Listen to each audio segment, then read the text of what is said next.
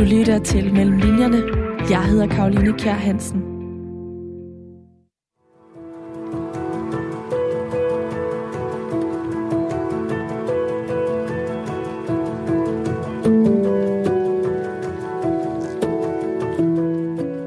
Da Nidal El Jabri gik i 6. klasse, bad hans far ham en dag om at tage en af sin skolebøger frem. Hans far plejede ellers ikke at interessere sig for den del af Nidals liv. Ligesom han heller ikke gjorde det, når det kom til basket, på trods af, at baskethallen nærmest var Nidals andet hjem. Men Nidal han adlød selvfølgelig sin far, og han spurgte ham, hvilken bog han mere specifikt skulle finde. Det er lige meget. Det sagde han. Og det var også lige meget, hvilken side Nidal slog op på i bogen, som han fandt. Hans far bad ham læse højt, og det gjorde han så, men efter bare tre minutters tid afbrød han seancen og sagde, Okay, tak. Jeg skulle bare høre, om du kunne læse. Nijal El Drabi er i dag 36 år. Han er stifter af interesseorganisationen Mino Danmark. Han er far til to drenge, hvor den ene faktisk lige er begyndt at lære at læse. Og så er han en af de fem mænd, der medvirker i bogen Fædre, som du har skrevet, Aydin Sui. Mm. Rigtig hjertelig velkommen til uh, Mellem Linjerne her på Radio 4. Tak for det. Mellem Linjerne, det er et program, hvor jeg taler med nogle af Danmarks dygtigste forfattere om de forberedelser og oplevelser, der ligger før deres bøger kunne skrives. Med andre ord, alt det research-arbejde, som de har været ude i, og som ligger mellem linjerne i deres bøger. Og i dag så er det altså alt det arbejde, der ligger mellem linjerne i Fædre af dig, Aydin. Fædre, den udkom i foråret. Det er øh, en samtalebog, hvor du har talt med øh, fem mænd, hvoraf Nidal han er den ene af dem. Og det er fem mænd med anden etnisk baggrund, som taler om at blive far. Men man kan også sige, at det er sådan en slags generationsportræt af øh, efterkommere af flygtninge eller indvandrere, der kom til Danmark øh, i 1970'erne og frem til midten af 80'erne. Og du har selv iranske rødder og kom til Danmark med din familie i 1986. Lige om lidt, så skal vi tale om, hvordan ideen til bogen den overhovedet opstod. Den, det var nemlig sådan en lidt atypisk proces, fordi du var ikke selv øh, katalysator på det. Men først så øhm, vil jeg lige høre, hvad du egentlig tænkte den dag, hvor Nidal han delte den her øh, historie med sin far og skolebogen for dig. Det er jo en lidt, øh, lidt tragikomisk scene. Det er jo et eksempel på det, Nidal selv kalder for metafar, som fysisk er til stede, men mentalt ikke er det. Og den her far føler jo formentlig, at han er god far, der tager ansvar for opdragelsen ved lige at sikre sig, at Nidal han kan læse, men det er så også det, han engagerer sig i søns skoletid og fritidsliv. Var det noget, du kunne genkende? Det, øh, det er jo meget typisk. Det er jo en meget gammeldags mande- og farrolle, at du er forsorger, men ikke øh, deltager i omsorgsarbejdet, ikke bruger særlig meget tid på, øh, på dine børn, og der er jo sket et stort skifte i samfundet som helhed, uanset hudfarve på blot ganske få generationer. Hele udviklingen i faderskabet blandt fædre med anden etnisk baggrund, den har du kredset om i flere bøger før den her. Blandt andet din forrige bog, Forsoning, som mm. er meget øh, personlig og handler om dit forhold til øh, din far, som var ret problematisk. Vil du ikke lige kort sætte et par ord på, øhm, hvordan det forhold var? Jo, altså, øh, det var ikke verdens tætteste forhold. Øh, min øh, far, han øh, var paranoid skizofren, men det var desværre noget, som vi først fandt ud af, da han begik et drab på en anden mand.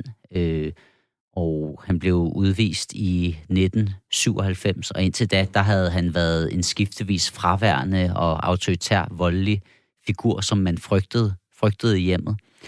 Så øh, det er en, øh, en voldsom historie, øh, men der er mange fædre gennem historien, som har været fraværende, og når vi snakker første generation af flygtninge indvandrere, er der en del, som har været fraværende og kæmpet med at finde rodfæste i det danske samfund.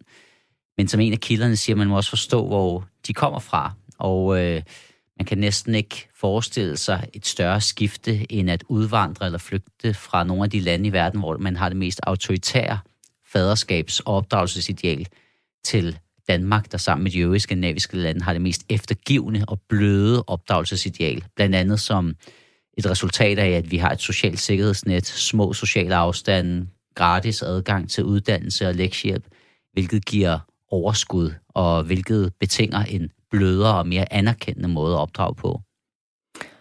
Det er allerede nu ret klart at høre, at det her det er et emne, hvor du har meget på hjerte, og det er noget, du har beskæftiget dig med i lang tid. Og alligevel, så var det ikke dig selv, der tog initiativ til den her bog. Hvem gjorde det? Jamen, øh, det, det gjorde min redaktør. Altså, det er min, øh, min femte bog, men den første, der bliver til ved en idé, som jeg ikke selv er kommet, øh, kommet på.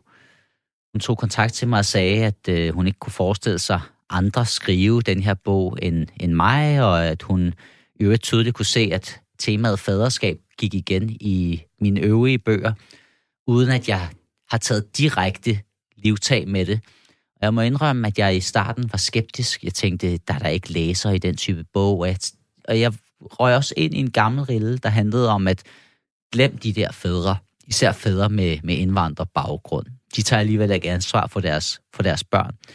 Og det er jo også meget sigende, at en af de medvirkende i bogen, ham fortalte jeg om min egen faderhistorie, da jeg skrev min forrige bog, Forsoning. Den udkom i 2016. Året før, der fortalte jeg ham, at jeg var at skrive den her bog, og den handlede om, blandt andet om forholdet til min egen far, der ikke havde været verdens tætteste. Og så udbryder han instinktivt.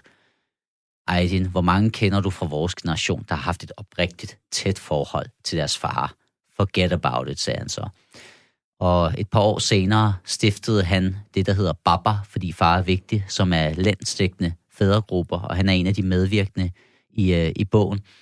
Det er meget symptomatisk, at mange fra efterkommergenerationen, den unge generation, der for alvor er rundet af det danske samfund, som er begyndt at fylde op i faderskabsbilledet herhjemme de sidste 10 år, især, øh, de var vokset op med fædre, der ikke nødvendigvis har slået til ikke alle, men, øh, men en del. Og der skete en generel bevægelse hen imod mere nærværende, omsorgsfuldt faderskab i det hele taget. Men som jeg skriver i bogen, så er der tale om en dobbeltbevægelse, når vi snakker om etniske minoriteter, fordi at deres egne fædre netop er udvandret fra nogle lande, hvor man har et mere autoritært faderskabsideal. Så det er et større skifte, og det er en større faderrejse, de har været på, de her fem medvirkende, som er med i min bog, som repræsenterer den unge generation. Men lad os bare tale om de medvirkende nu, for jeg synes lige, mm. vi, mhm. skal, vi skal have præsenteret dem for lytterne. Vil du ikke gøre det og lige fortælle kort, hvorfor du valgte lige præcis de her fem? Vi har allerede kort talt om Nidal, som er stifter af Mino Danmark. Mm. Men der er Jamen, fire andre. Øh, nu, øh, nu kan lytterne jo ikke se bogomslaget, men øh, hvis vi alligevel tager fra venstre mod højre på bogomslaget, hvor der er et gruppefoto af de fem medvirkende, så yderst til venstre, så har vi Nidal, øh, som vi allerede har talt om, hvis far er, har palæstinensiske rødder. Øh, derefter er det Najib Kaya, som er dokumentarist, journalist og forfatter. Han har afghanske rødder. Øh, så er der Asim Latif, som øh, er den ældste i selskabet. Han er i slutningen af 40'erne og har stiftet det her Baba, fordi far er vigtig. Så er der Janus Bakravi, hvis far også har palæstinensiske rødder, og som øh, er den første skuespiller med indvandrerbaggrund, der for alvor brød igennem i, øh, i Danmark, og har været med i taxa og rejseholdet osv. Så, så, videre.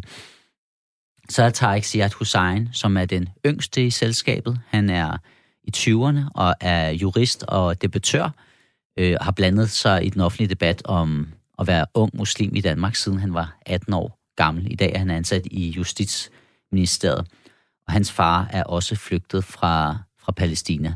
Og han er så den, der har det tætteste forhold til sin far. Han er et eksempel på, hvor meget lettere man kan have det i livet, hvis man har forældre, der er aktivt deltagende og har ressourcer og klæden på til at lykkes i livet. Men han er jo også den yngste. Tror du, at aldersforskellen kunne øh, have noget at sige? Altså, han er i hvert fald vokset op i en anden type virkelighed end de øvrige, fordi han, øh, han er lige 10-15 år yngre end de andre, så han er vokset op som en del af en generation, hvor det er meget mere normalt, at det lykkes at tage en uddannelse. Så hvis man tager etniske minoriteter i 20'erne, så er normalen, at du tager en, øh, en uddannelse, og det er en større og større gruppe, som kommer med, som får taget en uddannelse, som får jobs, øh, som ikke ender i en kriminel løbebane. Det hænger jo blandt andet sammen med, at vi for første gang de sidste 10 år har fået en etnisk middelklasse i, øh, i Danmarks historie. Så det er blevet meget mere normalt i forhold til, da jeg for eksempel skulle øh, videre efter folkeskoletiden. Og det, som de jo har til fælles, det er, at de alle sammen er sådan relativt kendte, vil jeg sige. Altså, de har blandet sig i den offentlige debat, og mm. er altså ikke bare øh, middelmodige, vil jeg ikke sige. Hvad, hvad, hvad, hvad synes du binder dem sammen? Deres fædrehistorier er, er meget forskellige, men det, der overordnet binder dem sammen i forhold til den her bog, det er, at de har et dybfølt ønske om at bidrage til et mere engageret, nærværende faderskab. Og øh, der er flere af dem, der, der har sagt til mig, at de ikke vil fortælle deres historie, hvis ikke det var, fordi jeg havde spurgt dem. Mm. Og øh, jeg kender dem alle fem i forvejen. Så øh, der har været et tillidsforhold allerede før jeg gik i gang med at interviewe dem, og det er formentlig også fordi, at øh, de kender til mine øvrige bøger. De har sagt, ja, øh, det er altså sammen nogen, som er kendte eller semikendte i den offentlige debat. Det er faktisk også en pointe. Jeg vil gerne have nogen, der kunne engagere, som også havde en stemme, man lytter til i det etniske minoritetsmiljø. Øh, og det er også en af grundene til, at det er en mangfoldig gruppe, øh, som spænder fra nogen, der arbejder inden for NGO-verden, øh, til skuespil og dokumentarisme osv. videre. Men nu, nu siger du selv det her med, at det er nogen, du allerede havde en tilknytning eller en tillid til på forhånd. Øhm, og det er, skal vi tale meget mere om om lidt, men allerførst så bliver jeg lige nødt, nødt til at prøve at forstå, hvad der skete Øh, fra at du fik henvendelsen fra din redaktør og var skeptisk til at du tænkte, nu øhm, vil jeg gerne skrive bogen på trods, altså du gik med til projektet. Hvad, hvad var det for en proces, du selv var igennem der? Jamen, jeg vil sige, jeg var skeptisk lige da jeg fik henvendelsen, da jeg begyndte at tænke over det så gav det jo rigtig god mening. Og det er jo sådan som forfatter, at meget af det, man skriver, det peger tilbage på en, på en selv. Øh, så da jeg først mødtes med min redaktør, så var jeg ret positiv. Men jeg vil så også sige, at da jeg så endelig gik i gang med at skrive bogen, der følte jeg mig ret udmattet. Øh, jeg gjorde også det, som jeg ikke har gjort før. Jeg skrev kontrakt på to bøger på én gang. Så øh, den øh, jeg havde skrevet en bog, som hedder Vrede unge mænd, der udkom i 2011, der bredere set handler om unge etniske minoriteter i udsatte boligområder, og især mænd, der føler sig som modborgere frem for medborgere. Og mit gamle forlag, Tiderne Skifter, var blevet opkøbt af forlaget Gyldendal, som så valgte at nedlægge det. Så øh, Vrede unge mænd, da den var udsolgt fra forlaget, ville den ikke blive genoptrykt. Så jeg foreslog den her redaktør fra Gads forlag, som ville have mig til at skrive den her fædrebog, vi snakker om i dag, at jeg skulle skrive en opdateret efterfølger på Vrede Unge Mænd. Så jeg skulle lige nå at skrive den bog først. Men det var smart tænkt, at du lige fik sådan en ekstra bog med i, øh, i handlen, kan man sige. Ja, både og. Altså, det er jo også sådan, det, det er noget, som folk nogle gange bliver lidt overrasket over.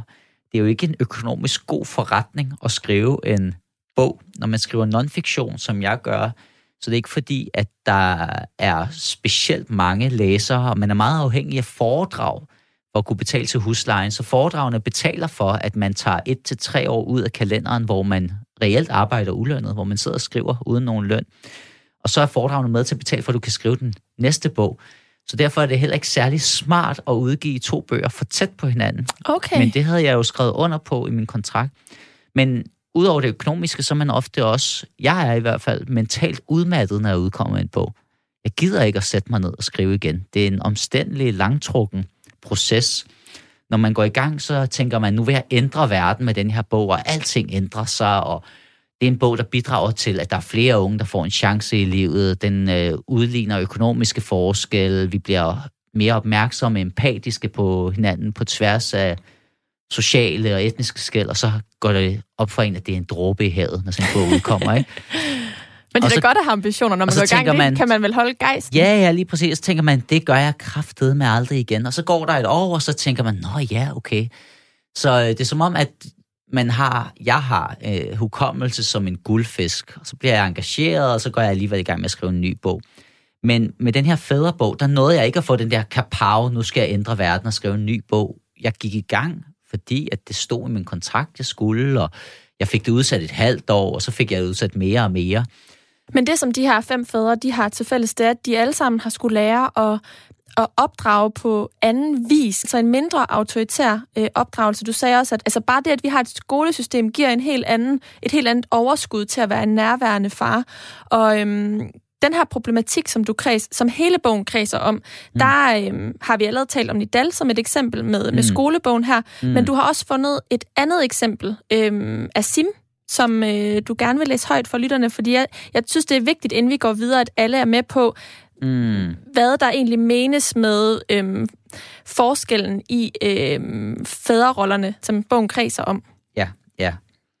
Og det, det, det dækker over, det er jo, at hvis man tager det danske samfund, så øh, er det et blødere, mere anerkendende og eftergivende opdragelsesideal, end man vil se de fleste steder i verden. Altså, så hvis man tager sådan en som Asim, så har han ikke haft et særligt tæt forhold til sin far. Det har været et forhold, hvor faren giver ordre. De har aldrig talt om følelser. De har aldrig talt om deres følelsesliv. De har aldrig talt om drømme for livet, og så videre, og så videre. Faren har ageret ud fra, hvad han tænker, der havde været det bedste for Asim. Og han vælger, at Asim han skal på kostskole i Pakistan sammen med sin storbror. Og der går Asim fra han er 6 til han er 16. Så i 10 år har han reelt ikke noget med sin nære familie at gøre. Og i Pakistan, der er to elite kostskoler. Og alle dem, der bestemmer i Pakistan, generaler, politikere, elite, de har gået på de to kostskoler. Så faren tænker, Asim, og hans bror skal have alle de muligheder i livet, som jeg ikke havde som barn. Så han tænker, det er det bedste for Asim. Men øh, det er jo noget, der får konsekvenser for Asim hele livet, at være væk fra sin familie, og han bliver opdraget til performance, som han selv kalder det. Han skal konstant performe i alle mulige felter, men han trænger bare til nogen, der kan give ham et kram. Ja. Øh, men øh, det, der så sker, det er, at øh, da Asim er færdiguddannet, han er rejst tilbage til Danmark, så får han muligheden for at øh, komme på forretningseventyr i Pakistan. Øh, en af dem, han har studeret med, øh, han er fra Østeuropa, og øh, hans far har været minister, og har på en eller anden måde fået adgang til øh, nogle kemikalier, som kan forlænge motorers levetid. Og de er ved at tegne en kontrakt med den pakistanske her. Og det er via de her kontakter, Asim har fra sin tid på kostskolen. Og han er ekstremt stolt, fordi nu skal han betale tilbage til sin far. Faren har offret alt for ham, mens Asim og broren har gået på den her elite-kostskole i Pakistan, hvor andre mennesker har vasket deres tøj, bundet deres sko, lavet mad til dem. Så har faren gået med aviser i Danmark sammen med As- Asims mindre søskende, for at han skulle have den der chance. Øhm, og han skulle ikke bare betale tilbage, måske skulle han også have et kram det er i hvert fald det, han længes efter. Mm. Øh, den her kontrakt, de er forskellige, der skal deles om den. Øh, det kræver, at de betaler bestikkelse. De skal betale flere millioner i bestikkelse. Øh, og derfor så er Asim afhængig af en af sine tidligere medstuderende, hvis familie er meget rig. Så øh, jeg læser op for den her scene, hvor Asim så ringer til, øh, til sin far, og er ekstremt stolt af sig selv.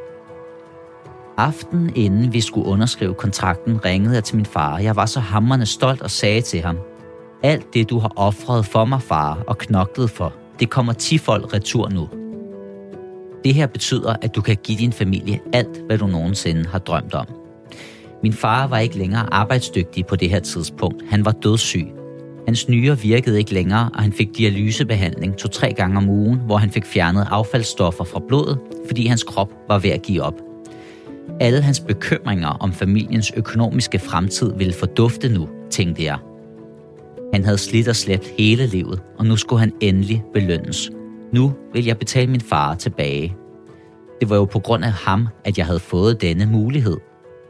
Far, du har knoklet på et lager i så mange år og sendt mig på kostskole, så jeg netop kunne få de her kontakter, og nu kommer din investering endelig til sin ret, tænkte jeg. Uden personlige relationer i Pakistan vil man aldrig komme i nærheden af at lande en kontrakt som den, vi var ved at underskrive. Jeg havde brugt et år på at gøde jorden for aftalen og på at dyrke de relationer og det liv, som jeg havde udsigt til at leve fra nu af. Jeg kan næsten ikke med ord beskrive, hvor stort det her var for mig. Min far var overraskende stille i røret. Han spurgte ind til detaljerne i kontrakten. Jeg fortalte ham det vigtigste – at jeg vil tjene omkring 8 millioner danske kroner om måneden i fire år. Og det drejede sig om penge, der var sikret. For det var top, top, top eliten i Pakistan, der sagde god for kontrakten. Min far undrede sig over rimandssøndens rolle. Hvorfor er han en del af jeres aftale, spurgte han.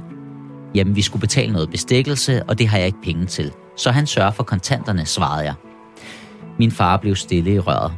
Samtalerne mellem min far og mig var altid meget praktisk orienteret, og der blev aldrig givet udtryk for glæde eller dybe følelser. Hvis der en sjældent gang imellem var følelser involveret, så var de negative og hårde. Det føltes som om, der gik en evighed, inden han endelig sagde, tillykke med det. Ordene blev fremsagt i en mærkelig tone. Efter endnu en kort pause tilføjede han, du skal bare vide, at du ikke må bruge nogen af de penge, du tjener på din aftale, på min familie. Jeg blev helt chokeret og spurgte ham, hvorfor han sagde sådan. Det burde du vide, svarede han. Det er fordi, du betaler bestikkelse, og det er haram.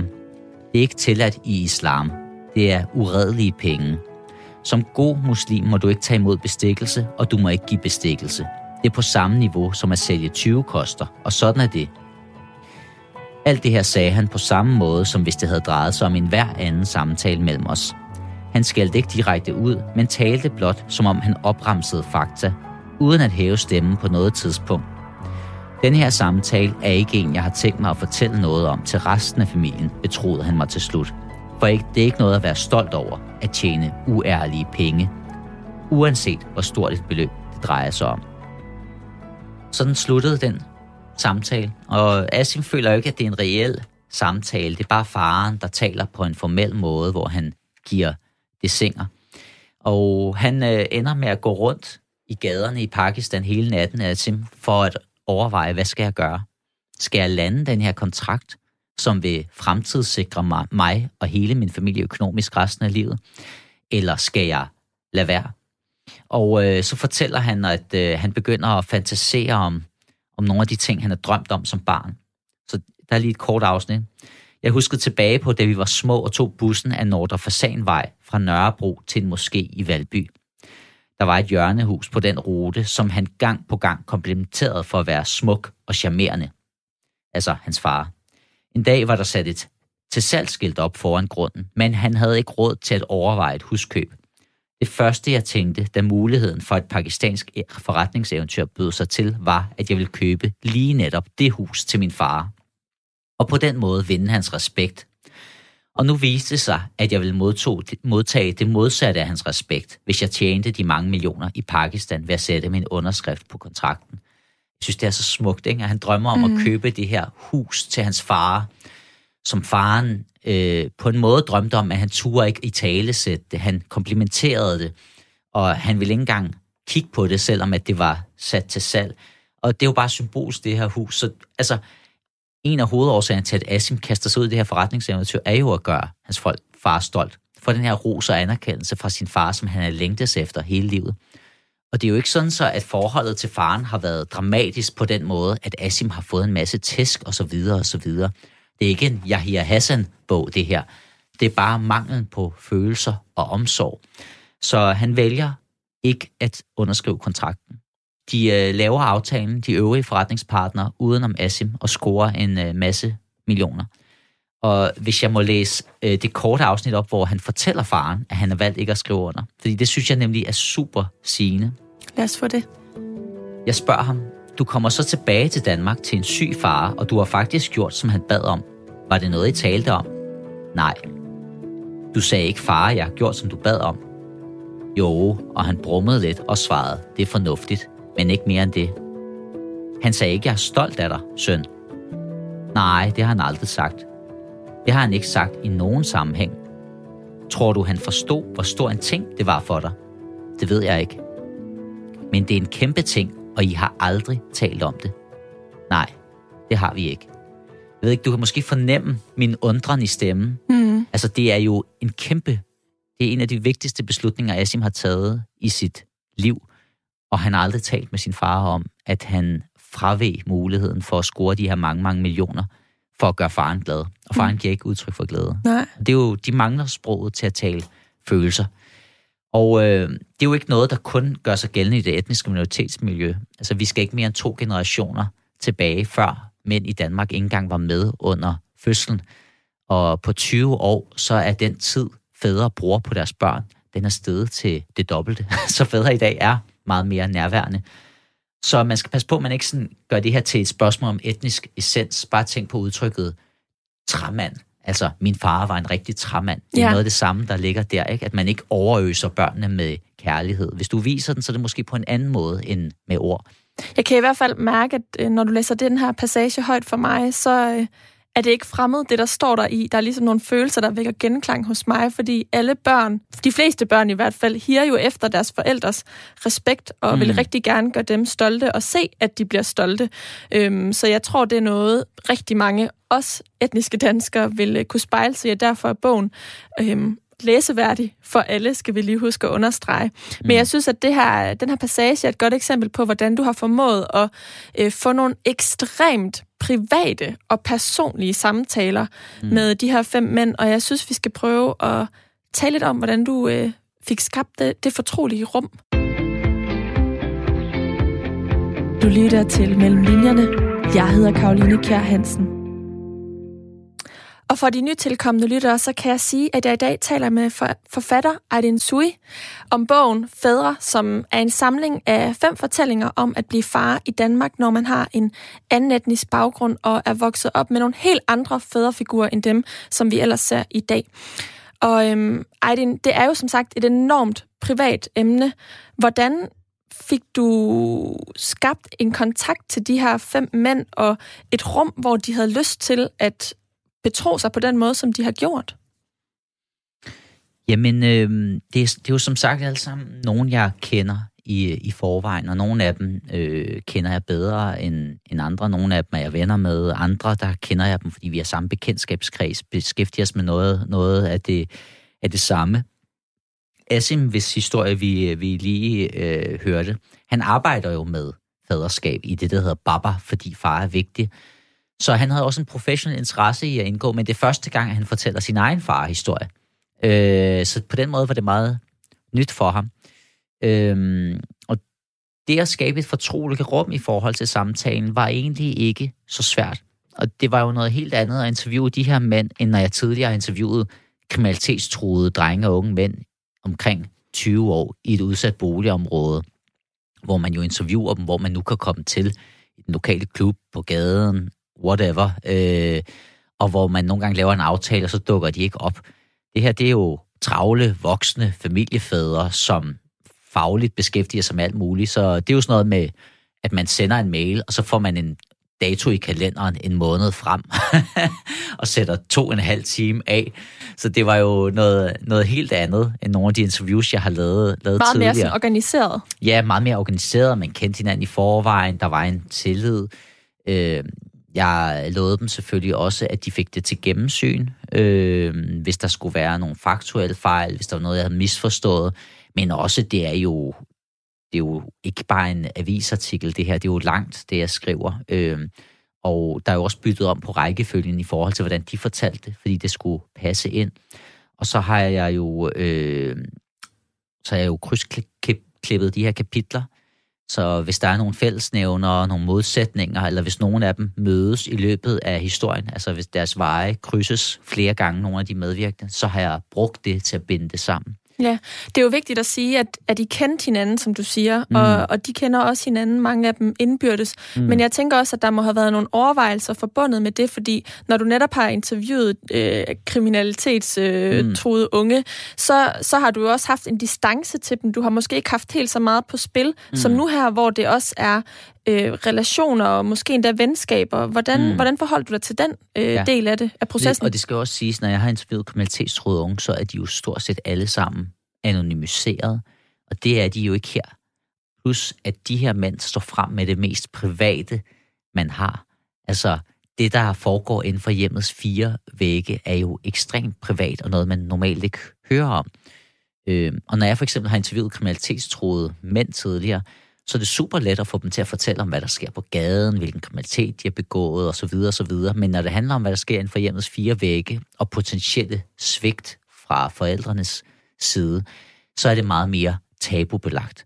Øh, og det er det, som de taler om, de her, de her mænd her. Ikke? Øh, Det er også en af grundene til, at øh, jeg bruger mig selv i spørgsmålene i den her bog.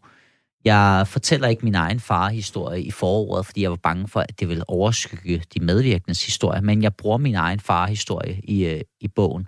Netop fordi, at når jeg beder dem om at blotte sig så meget, så synes jeg også, at det var mest fair, at jeg selv inddrog mine egne erfaringer. Øh, men, øh, men det er klart, nogle af dem er vant til at give interviews, andre er mindre vant til det. Så en ting er selve interviewsituationen, noget andet er bagefter at få sin egen historie udleveret, hvor du læser det sort på hvidt. Det kan være en meget voldsom oplevelse. Ja. Øhm. Men du indvidede dem jo også i dit eget liv ved at lukke dem ind i dit eget hjem, fordi det var der, de mødtes.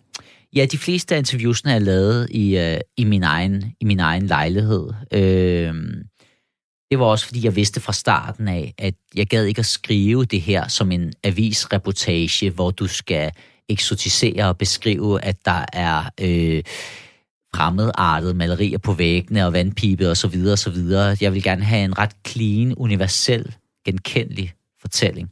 Hvis der er noget, der er genkendeligt i livet, så handler det om arv og miljø, og hvad man tager med sig fra opvæksten og forholdet til forældrene, hvad man gerne vil give, give videre. Øh, Janus Bakravi, der er begge interviews foregået i hans lejlighed. Øh, et af interviewsene med Asim foregik i hans lejlighed, et af interviewsene med Najib foregik i hans lejlighed, og så de øvrige interviews er foregået i mit eget hjem. Øh, nogle af dem har, har været der, været der før. Men det er da klart, at når det er nogen, jeg kender i forvejen, øh, så er jeg jo også ekstra opmærksom på, at de skal kunne stå inden for det her. Nu er jeg også selv far, så jeg er også opmærksom på, at det her handler ikke blot om de medvirkende. Det handler også om, at der er nogle børn, som enten allerede nu er store nok til at læse det, men de bliver det på et tidspunkt, hvis ikke de er det nu. Øh, og der kan også være nogle særlige hensyn, er der nogle søskende, er der noget familie osv. Ofte er det nogle ganske få ting, man skal ændre, for at man ikke kommer til at fornærme andre mennesker. Men de blotlægger sig meget, de her fædre. Altså, det er både de gode og de dårlige sider ved sig selv og forholdet til deres far, som, øh, som bliver portrætteret i, i den her bog. Du mødtes to gange to og en halv time med dem alle sammen. Mm. Hvorfor var det lige to gange to og en halv time? Og hvordan, hvordan greb du de her to gange to og en halv time an? Altså havde du sådan en liste med spørgsmål på forhånd, eller var det, var det sådan en hyggesnak, og så spurgte jeg ind på det? Ja. Øhm, jeg jeg vidste allerede, jeg vidste nogenlunde, hvad omdrejningspunktet øh, i deres historier skulle være. Øh, og jeg vidste også, at der var nogle fællesnævnere, som jeg skulle huske at spørge ind til, så jeg kunne bruge det i, øh, i bogen. Altså for eksempel så øh, mister Najib Kaya øh, sin far, da han er 14 år gammel, til kraft. Det er samme alder, som Nidal al-Jabri havde, da han mistede sin far, men de reagerer meget forskelligt på det. Øh, Najib var vokset op med øh, en far, som var meget nærværende, når han var der, og som så BBC og CNN øh, med, med Najib for at lære ham om verdens tilstand, hvilket har præget Najib livet igennem og har påvirket ham i forhold til, at han selv er blevet dokumentarist, som dokumenterer fra verdens brandpunkter. Øh, Nidal øh, havde ikke lige så tæt et forhold til sin far. Han kalder sin far for metafar, Altså den her far, som fysisk er til stede, men mentalt ikke er det. Så for ham var reaktionen en anden. Øh, på en måde føler han, at det er en befrielse, som han siger i bogen, og det kan virke som en meget voldsom påstand, men det er fordi, han føler, at nu er det ham selv, der skal tage de vigtige valg. Han skal ikke skavte efter en far, som ikke slår til. Øhm, og Nidal, det, det var det hele indledningen omhandler ja, lige Nidal. præcis, lige præcis. Og øh, så, så den slags vidste jeg på forhånd. Øh, der er nogle af dem, jeg, hvor jeg lavet et kort forinterview på forhånd, så jeg okay. vidste det, sådan, så jeg havde fået deres liv i grundrigs. Og jeg vidste også, at øh, det også skulle være interviews, hvor de fortalte om de vigtigste valg, de har truffet i livet. Igen, øh, fordi at vi peger tilbage i historien hele tiden. Ikke? Øh, på side 1 i bogen, der er et citat af William Faulkner fra den bog, der hedder Requiem for a Dream fra 1951, der hedder fortiden er ikke død, den er ikke engang fortid. Og sådan er det jo. Altså, fortiden indhenter os hele tiden. Ikke? Og, så er og den vil altid den, være der. Så der er jo dele af den, som, øh, som vi kan indkapsle og forsøge at smide væk. Øh, men lige netop, når det handler om forholdet til vores forældre, fordi det er så grundlæggende i forhold til den selvværd, den værktøjskasse, vi har taget med os i livet, og den relationsdannelse, vi, øh, vi skaber til andre mennesker, jamen så er det næsten umuligt at holde forholdet til far og mor ud i strakt arm. Det er der flere af de medvirkende, der har gjort. Men som man kunne høre i det her afsnit, hvor Asim fortæller om, hvor vigtigt det er for ham at gøre sin far stolt, så, øh, så ligger det bare dybt ind i os, at vi vil have vores forældres anerkendelse, omsorg og så videre og så videre. Ikke? Så, øh, så der var nogle temaer, jeg vidste, vi skulle ind på. Øh, der var også et greb øh, med, at jeg fik dem til at overveje, hvad der skulle stå på bagsiden af et postkort, hvis deres børn skulle skrive, hvad de husker deres fædre for når deres det, fædre ikke er her længere. Og det her synes jeg er en vigtig skældning, fordi mm. det handler jo ikke kun om forholdet til deres far, det handler jo i lige så høj en grad om forholdet til deres sønner og mm. deres egen rolle ja. som far. Ja. Så, så det er jo også et, et fælles mm. træk, ja. de har, som mm. du øh, spørger ja. ind til der. Men ellers så strukturerede du samtalerne mm. øh, ud fra den enkelte person, som jeg forstår det her. Ja, ja. Øh, og deres fædre har forskellige baggrunde, de er selv endt forskellige steder i livet. Øh, og der er nogle af tingene, som måske ikke direkte handler om faderskab. Altså, når Najib fortæller om, øh, hvordan han tumler rundt og begynder at leve et kriminelt gadeliv og bliver tiltrukket af hispoterier på et tidspunkt. Det er jo en ret generel fortælling, som også handler om kulturel kapital, altså evnerne til at afkode, hvordan man får succes i forskellige sociale felter. Der vælter han jo rundt som elefant i et glashus, da han starter i gymnasiet, fordi han ikke kan afkode, hvad der forventes af dem. Og når jeg vælger at tage det med, så det er jo fordi, jeg kan se, at det er et problem, der gør sig gældende blandt mange unge, som ikke har lært de her koder hjemmefra. Øhm, og især hvis du går i stå efter folkeskoletiden, så mangler du den her kulturelle kapital, der gør, at du kan lykkes i, i livet. Og så, det tager jeg med, fordi jeg som sociolog synes, det er interessant. Du er både sociolog og journalist, og jeg tænker, at den, mm. den rolle, du har... Øhm du har haft som forfatter faktisk måske er en sammensmeltning af de to ved at sidde og interviewe og mm. spørge ind løbende øhm, ja. og fornemme ja. situationen, og dernæst så øhm, omdanne det til en reel tekst, vi kan få noget ud af. Mm. Vi skal tale lidt om skriveprocessen senere, mm. men jeg ved, at Janus var særlig øh, udfordrende at tale med, øh, fordi der var, han er den eneste, hvis far stadig lever, så der var ligesom ekstra overvejelser forbundet med øh, samtale med ham og formidlingen af hans historie. Vil du ikke mm. prøve at sætte lytterne ind i den situation?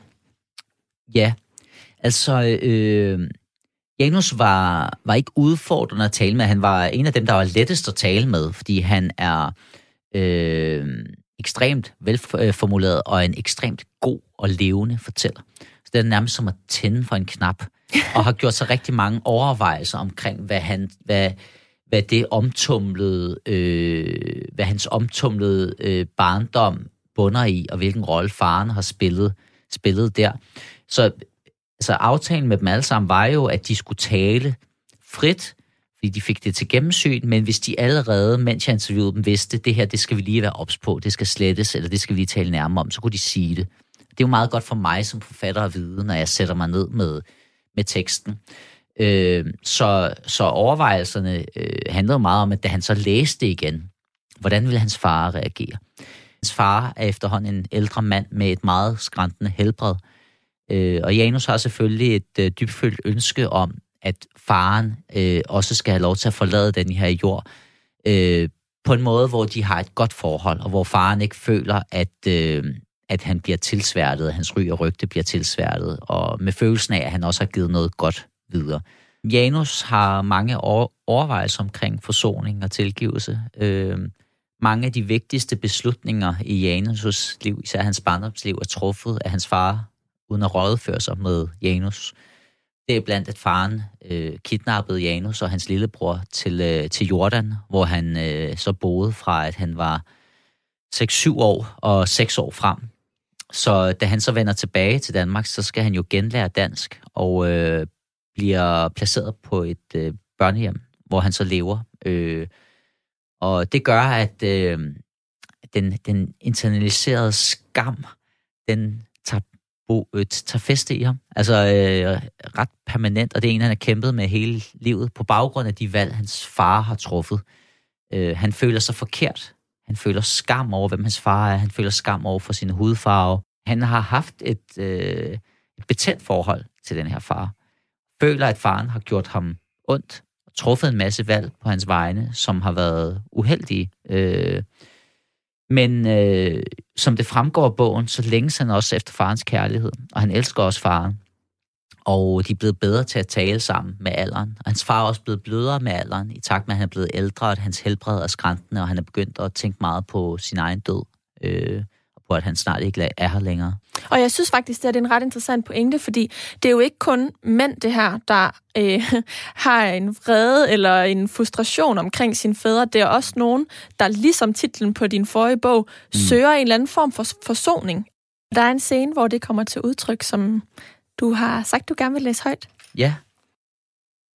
Der sker det øh, for nogle år siden, at øh, Janus' far, han øh, falder om og bliver lagt i kunstigt koma. Og på det her tidspunkt, der har Janus Bekravi forsøgt at holde den her far ud i strakt arm. Han forsøgt at skabe en fortælling om, at han kun kan få et godt liv, hvis han ikke har noget med den her far at gøre. Han forsøger at fortælle sig selv, at faren ikke betyder noget for ham.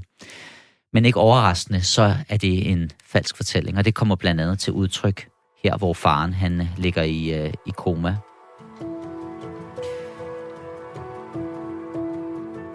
Så min far, han lå der, og jeg sad på en stol, ligesom jeg sidder over for dig på Rigshospitalet. Og der lå han livløs, og hans tunge hang ud af hans mund. Den lå sådan til venstre, og han var lidt gul og lilla på brystkassen og halsen, fordi de havde givet ham hjertemassage. Hospitalskjorten var halvåben, og der var rør i hans næse, mens respiratoren stod ved siden af. De havde kølet hans hjerne ned med en halv grad, det gør de for, at hjernen ikke bruger for mange ressourcer. Han lå der med underbukser på. Det var besynderligt, ubehageligt at se sine forældre, som man aldrig har set ham før.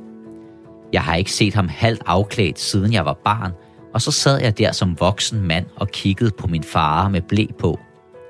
Jeg sad der i timevis og kiggede, og han var fuldstændig fraværende. Jeg fik sådan et billede af i hovedet af et dyr, man skyder i hovedet, så tungen rører ud. Han lignede et dyr, der var blevet dræbt, og så sad jeg der og kunne pludselig mærke, hvor meget jeg længtes efter ham. Det overraskede mig, og det var meget intimiderende. Jeg kunne næsten ikke rumme det. Jeg måtte trække vejret rigtig mange gange, men jeg blev i det for at mærke, hvad fanden er det, jeg føler. Og jeg var simpelthen så bange for den intimitet, der pludselig var i rummet, på trods af, at han lå der og lignede et dødt æsel. Så spørger jeg ham, i virkeligheden har du jo holdt ham ud i strakt arm og været ligeglad med ham fra det øjeblik, du selv blev voksen.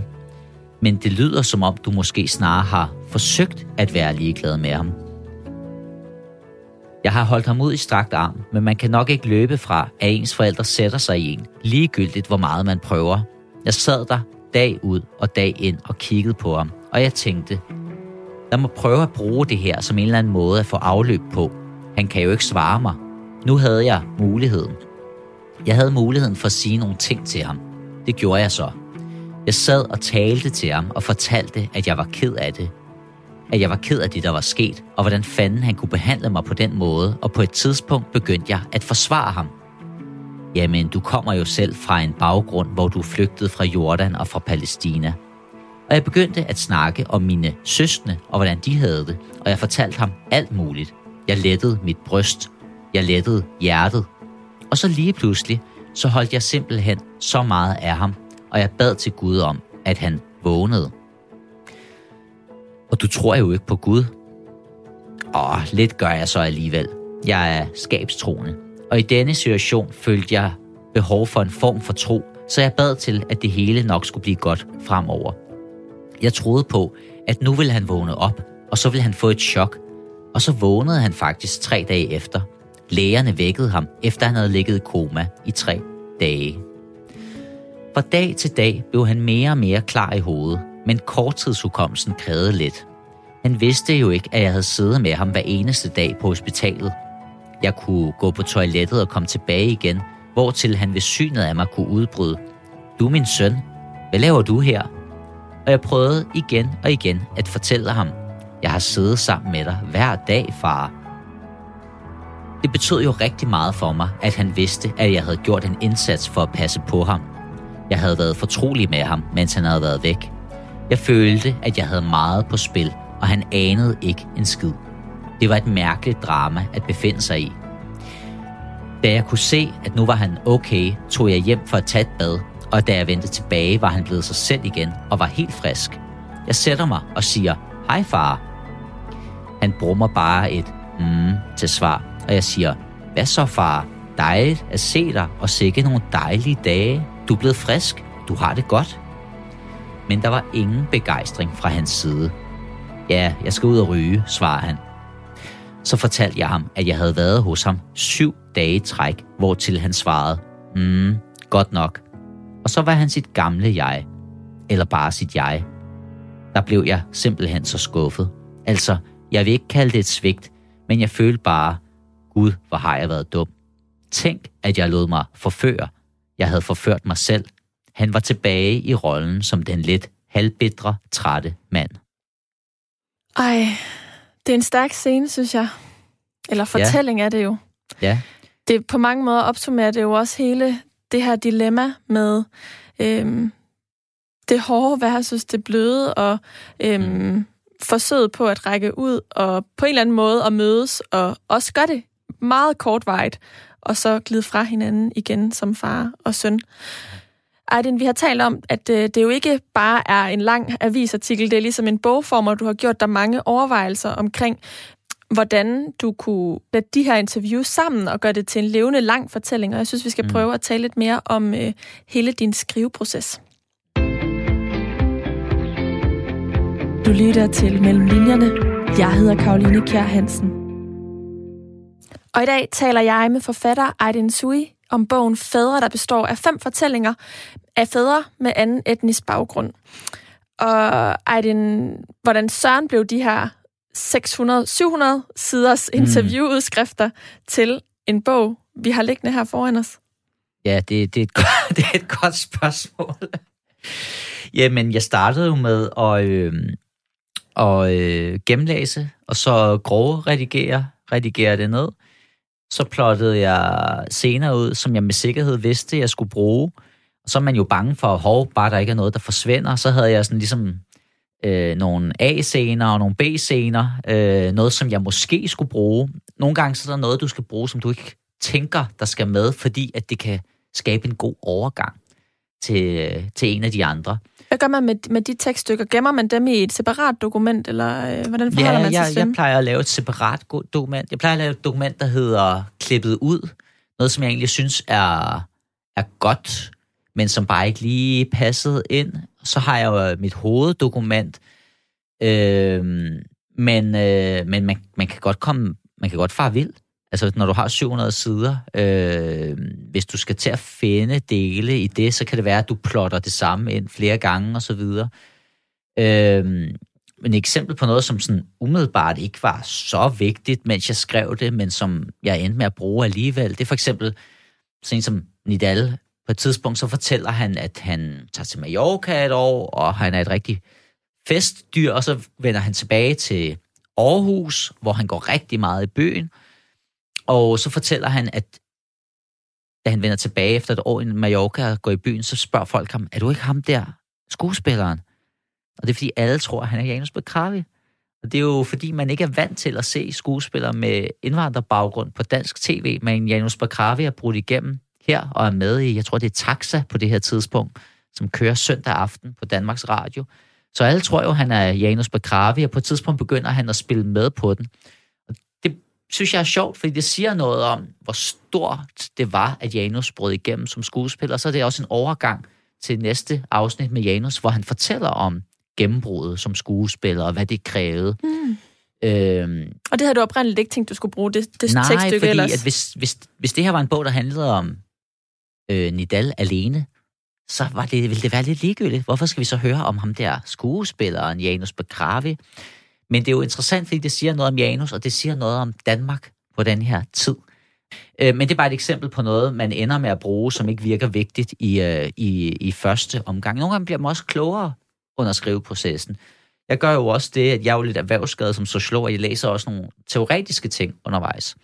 Og det skal ikke overskygge, fordi det her det er meget stærke fortællinger, så det er jo ikke fordi, at det lige pludselig kommer passager med øh, sociologisk teori, men nogle af tingene kan du bruge i spørgsmål, andre ting kan du bruge i forhold til at sortere og sige, det her det siger faktisk noget om det her. Så det, Sådan et analytisk blik. Det er et analytisk blik, hvor du, sådan, du sniger det ind, uden at folk ved det. Ja. De ved ikke, at det her det er vigtigt ud fra sociologi og spørgsmål om, hvordan vi bliver til som mennesker og så videre og så videre. Ikke? Øhm, så det er jo klart, at hvis det var en anden, der skrev det, så ville man måske fremhæve nogle andre ting.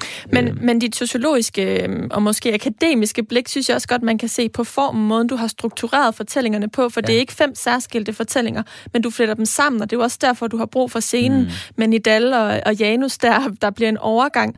Men ja. du fortalte i begyndelsen, at det var, øh, du var meget udmattet allerede, inden du begyndte at skrive den her bog. Mm, mm. Hvordan vil du beskrive skriveprocessen? Jamen, øh, da jeg så først havde udvalgt alle de dele, jeg skulle bruge, og begyndt at flette det sammen, øh, det er først der, det gik op for mig. Sådan, okay, det her det er godt. En ting er at have lavet et interview, hvor man tænker, det var et godt interview. Folk de gav noget af sig selv. Jeg fik spurgt ind til det, jeg skulle. Men, men når, det, når du har det på skrift, så kunne jeg godt se, at det er nogle stærke scener, det her. Så øh, efter den første grove redigering, så begyndte jeg at gennemskrive, hvor jeg skrev rigtigt. Øh, man skal omskrive mere, end folk umiddelbart tror øh, når det handler om at omskrive noget, der, der er sagt i skriftsprog til, øh, eller i, i talesprog til skriftsprog. Og det er også forskelligt, øh, hvordan folk de, øh, de udtrykker sig. Der er nogen, der bruger rigtig mange fyldord. Så der skal Hvilke ord rigtig, er det for eksempel? Sådan noget med at sige ikke efter hver sætning. Og der er nogen, som øh, svarer meget kort, når man stiller dem et spørgsmål. Og så er der andre, hvor det netop er som at trykke på en knap, hvor de bare går i gang med at fortælle deres historie. Men, øh, men det er klart, at de kommer tættere på hinanden, når du redigerer, omskriver og skriver mm. til, end når du læser de der 700 siders transkription. Og øh, som man måske kunne fornemme med det, jeg læste op fra Janus, så er der sådan mange korte sætninger også, som jeg har valgt at skrive med, fordi jeg havde Janus' stemme i hovedet. Så selvom jeg har omskrevet, har jeg forsøgt at være tro mod den måde, de udtrykker sig på, hvis der er nogle særlige, øh, særlige måder at formulere sig på. Ikke? Ja, så, så, så en del omskrivning, men, men hvor udfordringen er, at du skal være tro mod, øh, hvordan de hver især udtrykker sig. Nu nævner du, at det var først, da du øh, kom igennem første gennemskrivning, at du kunne mærke, at det faktisk var rigtig godt. Det her var det det, der gav dig energien til at færdiggøre det, siden du altså, fortalte, mm. du var udmattet i begyndelsen, og ikke bare tænkte, det projekt her, det er dødfødt, det kan jeg ikke overskue. Ja, altså, øh, ja, de her æstetiske overvejelser, hvor jeg kunne se, at det her det er gode interviews. Det her, det er sårbart. Det er medrivende. Det her kan du også læse selv, hvis du ikke interesserer dig for faderskab og etniske minoriteter. Du kan nærmest læse det som, øh, som en roman. Men jeg vil også sige, at øh, det blev også, jeg blev også mere opmærksom på, at jamen, det her kan rent faktisk gøre en forskel. Det kan måske engagere andre til at øh, engagere sig i deres børns liv og jeg får mange tilbagemeldinger fra folk, der kan relatere til, øh, til emnet. Øh, og så er der rigtig mange, som køber den, som er kvinder, men som køber den i gave til deres brødre, kærester, mænd, fædre. Tankevækkende. Og, og det er jo lidt tankevækkende, når en af pointerne i bogen, det er, at vi mænd, vi skal have større selvsikkerhed i forhold til at give udtryk for sårbarhed og tvivl. Mm. Og hvis der er noget, man kan være i tvivl om i livet, så er det hvordan skal jeg opdrage mine børn? Mm. der kunne vi godt være bedre til at give udtryk for den sårbarhed, og det vil også komme børnene til gode. Men det er altså kvinder, der køber den og giver den til mænd, men det er også udtryk for en omsorg. Øh, og det er måske også en pointe i sig selv, at man skal også se forældreskab som et partnerskab. Mm. Du skal ikke dømme enten far eller mor ude. Øh, så det er jo meget omsorgsfuldt, at man som kvinde køber sådan en bog til mænd, der betyder noget for ens liv. Også til unge mænd, som har haft et anstrengt forhold til deres far. Mm. Øh, ligesom de fem fædre, der medvirker i bogen her. Ja, nogle af dem i hvert fald, ja. ja. Og de læste den jo igennem, inden og siden den er udkommet, så går jeg ud fra det, fordi de ligesom har godkendt det. Men mm, hvordan er mm. jeres relationer i dag? Altså, øhm, ja. er I stadig er I, er I blevet tættere, eller er der nogen, hvor du slet ikke har kontakt med dem længere, fordi at, øhm, det ligesom er et afsluttet kapitel nu? Vi har haft kontakt efter bogen udkom. Vi mødtes og spiste en fælles middag. Øh, men øh, jeg har kun fået positive reaktioner fra de medvirkende. det var også vigtigt for mig, at de skulle være stolte af fortællingen. Ikke? Øh, så, øh, så det er mit indtryk, at, øh, at det er det, der, der er tilfældet. Øh, jeg har jo også valgt nogen, som jeg selv havde respekt for, som jeg følte kunne engagere andre. Ligesom at du har øh, respekt for de medvirkende, så har jeg stor respekt for dig over, at du har skrevet den her bog. Jeg synes, den er enormt anbefalesværdig til alle forfatter Aydin Sui. Tusind tak, fordi at du vil komme her og være med mellem linjerne på Radio 4. Selv tak. Du har lyttet til Mellem Linjerne. Programmet, hvor jeg taler med nogle af Danmarks dygtigste forfattere om de forberedelser og oplevelser, der ligger før deres bøger kunne skrives. Alt det researcharbejde, de har været ude i, og som ligger mellem linjerne i deres bøger. Du kan finde hele programmet her som podcast på radio4.dk, i vores app eller i din foretrukne podcast-app. I er også rigtig velkomne til at skrive til mig på mailen, som lyder mellem linjerne snablag radio4.dk. Linjerne, det er med et J. Mit navn det er Karoline Kjær Hansen. Tusind tak, fordi du lyttede med, og jeg håber, vi lyttes ved en anden gang.